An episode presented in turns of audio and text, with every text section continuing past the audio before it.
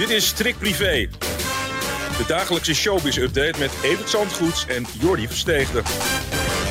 Van woensdag 18 oktober, Privé Day en nog maar een paar afleveringen, Evert. En dan zitten we op nummer 300. Niet te geloven. Nee, je niet. 300 afleveringen van onze... Nou, nooit uitgeluld zijn we ook. Hè. nou, zeker vandaag niet, want uh, wat een nieuws. We pakken dat tegelijk even bij. Dave Roelvink is vanochtend toch geland in Nederland.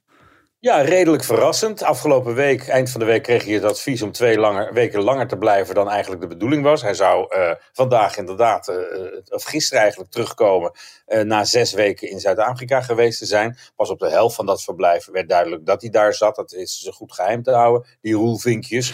en um, ja, eerst had hij daar wel horen naar. Twee weken extra, extra programma, extra eventjes aan jezelf werken. En ineens bedacht hij zich deze week van nou, ik heb het wel gehad, ik ga terug. En vannacht heeft hij het vliegtuig gepakt. Vandaag landt hij uh, weer in Nederland. En alle fotografen zijn er natuurlijk op gespitst om de foto te maken van hem met de herinnering van zijn gezin. Maar ik geloof niet dat dat gaat lukken. En als het wel lukt, ja, dan gaat het pas beginnen natuurlijk. Dan gaat duidelijk worden wat het nieuwe leven van, uh, van Dave Roelvink uh, is en mm. hoe dat eruit gaat zien. We hebben daar eerder op vooruitgeblikt. Jij denkt dat dat niet op het Leidseplein kan plaatsvinden. Hè? Dat hij echt ergens anders moet gaan wonen in ieder geval. Ja, dat denk ik wel. En ook dat hij uh, zich bedenkt over zijn uh, toekomst als DJ. Eigenlijk ja. heeft uh, Dries al laten doorschemeren dat daar een einde aan gaat komen. Want elke nacht in een omgeving van drank en drugs dat is natuurlijk de kat op het spek binden en dat gaat een keer fout. Ben ik benieuwd wat hij dan gaat doen, hè? want uh, wat kan hij nog meer, is dan de vraag. Hè? DJ is een prachtig vak, maar wat, wat, wat zie jij Dave doen ja, Wie had dit gedacht, wat erin zat, dus ja. uh, wie weet komt er wel weer wat anders. En ja. vooral op het gebied van sport is er voor Dave natuurlijk ook nog wel wat te bedenken. Kijk, Ander onthullend nieuws waar we vanochtend mee wakker werden. Op de voorpagina van de Telegraaf. Joran van der Sloot heeft eindelijk bekend. Verrast dat jou? Ja, en dat zijn toch echt van die momenten dat je denkt dat Peter R. dat niet meer heeft mogen meemaken. Die heeft zijn leven ongeveer in het teken gezet van die hele zaak Natalie Holloway. Ja. En uh, toch nooit helemaal weten te achterhalen wat er toch uh, gebeurd is. En in ieder geval nooit die hele bekentenis los heeft weten te peuteren. Nou had hij ook niet zoveel te bieden als Amerikaanse justitie. Die echt met een goede deal kwamen. En die nu zeggen van, uh, ja, je hoeft niet in de gevangenis in hier als je gewoon zegt wat er gebeurd is. Hm. Aruba zou hem nog kunnen gaan vervolgen voor die moord die hij nu bekend heeft. Maar het is verjaard, dus dat is eigenlijk kansloos. Ja. En uh, ja, dan heeft hij toch eieren voor zijn geld gekozen. Maar ik ben nog wel benieuwd naar alle details. Die kennen we nog niet. En onder andere natuurlijk waar het lijk gebleven is. Ja. En of hij daar ook uh, openhartig over zal zijn. Ja, dat schijnt een dagboek dus te zijn. Daar heeft uh, onze collega John van der Heuvel uitgebreid onderzoek naar gedaan. Er komt ook een serie van op Videoland vanaf vanavond. En hij heeft dus aan een leugendetector gehangen. Maar ik vraag me zo af, zo'n leugendetector, hoe betrouwbaar is dat nou? Dat, dat, het klinkt toch echt als iets utopisch wat eigenlijk niet kan. Hoe kijk jij daarnaar eigenlijk? Nou ja, die bestaat al heel lang en die is maar verbeterd en verbeterd. En of hij Joran van der Sloot proof is, dat, dat zal nog moeten blijken. Want ja, als iemand pathologisch leugenaar is, dan is hij het wel. Ja. Maar uh, het is voor de Amerikaanse justitie goed genoeg. En wie ben ik dan om te zeggen van hij heeft een heleboel weer misleid. Ik, kijk, of hij nou echt in de heren is en, en zijn hele leven gebeterd heeft. Of hij dat ook aan de leugendetector verklaard heeft, dat weet ik niet. Maar voorlopig ziet het er naar uit dat het echt, nu dus echt de waarheid is. Ja. En daar waren we toch allemaal wel heel erg benieuwd naar. Gisteren was het een uh, zeer emotionele dag voor Willeke Alberti. Haar familie, nou, Willeke nam, al, uh, nam afscheid van haar dochter. Dat is iets... Ja, als je naar die foto's van de uitvaart kijkt, dan denk je toch van jeetje, jeetje, jeetje. Dat, dat moet zo'n pittige dag zijn geweest. Verschrikkelijk. Het was heel mooi gedaan. Helemaal in de geest van Danielle. Het licht en alles wat, wat zij altijd om zich heen wilde hebben. De lieve mensen die zich om zich heen wilden hebben. En wat was het een enorm indrukwekkende opkomst. En ja, ja Willeke Alberti stond er niet alleen voor, voor deze zware tocht.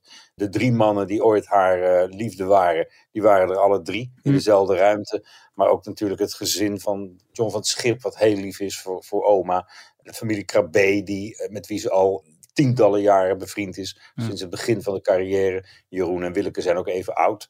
Het was een enorme steun in de rug voor haar. Ja. Maar dat neemt niet weg dat nu het grote missen begint natuurlijk. De dag na de begrafenis. Ik weet niet of je dat zelf wel eens meegemaakt hebt. Dan daalt echt het besef in het is nu echt voorbij. En ze komt nooit meer door die deur.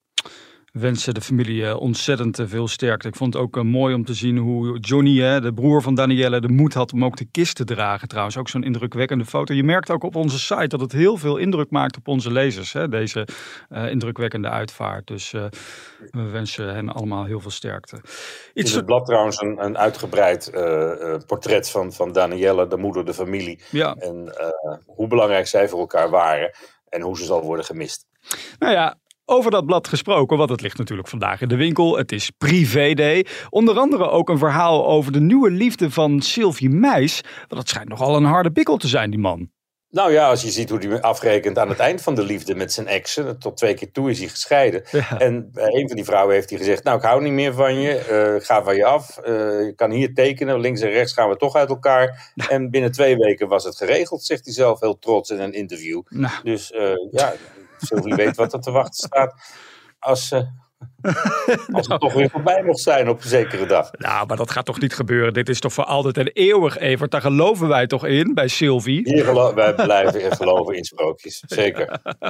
Dan gaan we naar het sprookje van de eh, Peter Gillis en Nicole Krebers. Zij gaan de concurrentiestrijd met elkaar aan en dan niet in de rechtbank. Ja, dus, dus, dus de scheidingsstrijd tussen hen verplaatst zich nu naar de boekhandel. Ja, ja Nicoleke komt natuurlijk met haar uh, wraakboek. Hè? Haar boek waarin ze alles beschrijft wat er gebeurd zou zijn in die villa van de Gillis buiten het bereik van de camera's. Want daar leek het toch allemaal wel of ze heel erg aan elkaar gewaagd waren en het heel leuk met elkaar waren. Dus dat boek gaat verschijnen. En tegelijkertijd komt van Peter Gillis ook een boek uit. Het gaat, het zal je niet verbazen, Hatseflats heten. En het is een kookboek nou met de recepten van zijn moeder, de beste nasi, een hamburgertje, een barbecue gerechtje. En dat wordt op 2 november gepresenteerd. En dan liggen, die, liggen ze in ieder geval nog in de boekhandel gezamenlijk naast elkaar. Net als vroeger in het echtelijke ponden. Maar het is, uh, ja, ik ben benieuwd welk boek beter gaat lopen. Had ze flats. Maar Peter heeft toch nog nooit iets aangeraakt in de keuken? Die man die gaat toch altijd uit eten, zegt hij altijd. Dus Ja, maar hij heeft wel de recepten. En nou er is uh, volgens hem grote vraag naar. En het wordt gelanceerd met een groot feest op hm. een van die parken van hem. En uh, nou ja, wie er een worstenbroodje wil maken, à la Gilles, die kan daarna zijn gang gaan. Over boeken gesproken, trouwens nog even tot slot. Uh, Eugene Akjul, die had zijn boekpresentatie. En daar waren in één keer Matthijs van Nieuwkerk en Tom Egbers op één feestje. Nou ja. Ja, je miste nog een pianist in de hoek uh, eigenlijk. Maar uh, ja, het was uh, een weerzien van Matthijs met een heleboel mensen. Want ja, die heeft natuurlijk de laatste tijd, is, is hij nauwelijks ergens gezien. Ja. En in de NRC vertelde hij toen hoe hij een paar keer met de deurklink van zijn stamcafé in de handen stond. En toch niet naar binnen durfde. Dus het is voor hem een hele overwinning geweest om zich toch weer onder het publiek te mengen. Ja. En de reacties waren zo te zien hartstikke positief. En Eus en hij zijn natuurlijk groot grote vrienden. Ja. Prees het boek van Eus al de hemel in vanwege de schrijfstijl van Eus.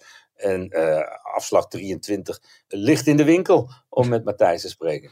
En de privé, die ligt ook in de winkel. Dus uh, ik zeg, holle daar naartoe. En dan morgen, dan zijn we er weer. Hebben we weer ander nieuws? En is, wanneer is aflevering 300 dan? Nou, begin volgende week. Let jij maar op. Oh. nou, gaan we doen. Tot morgen om te beginnen.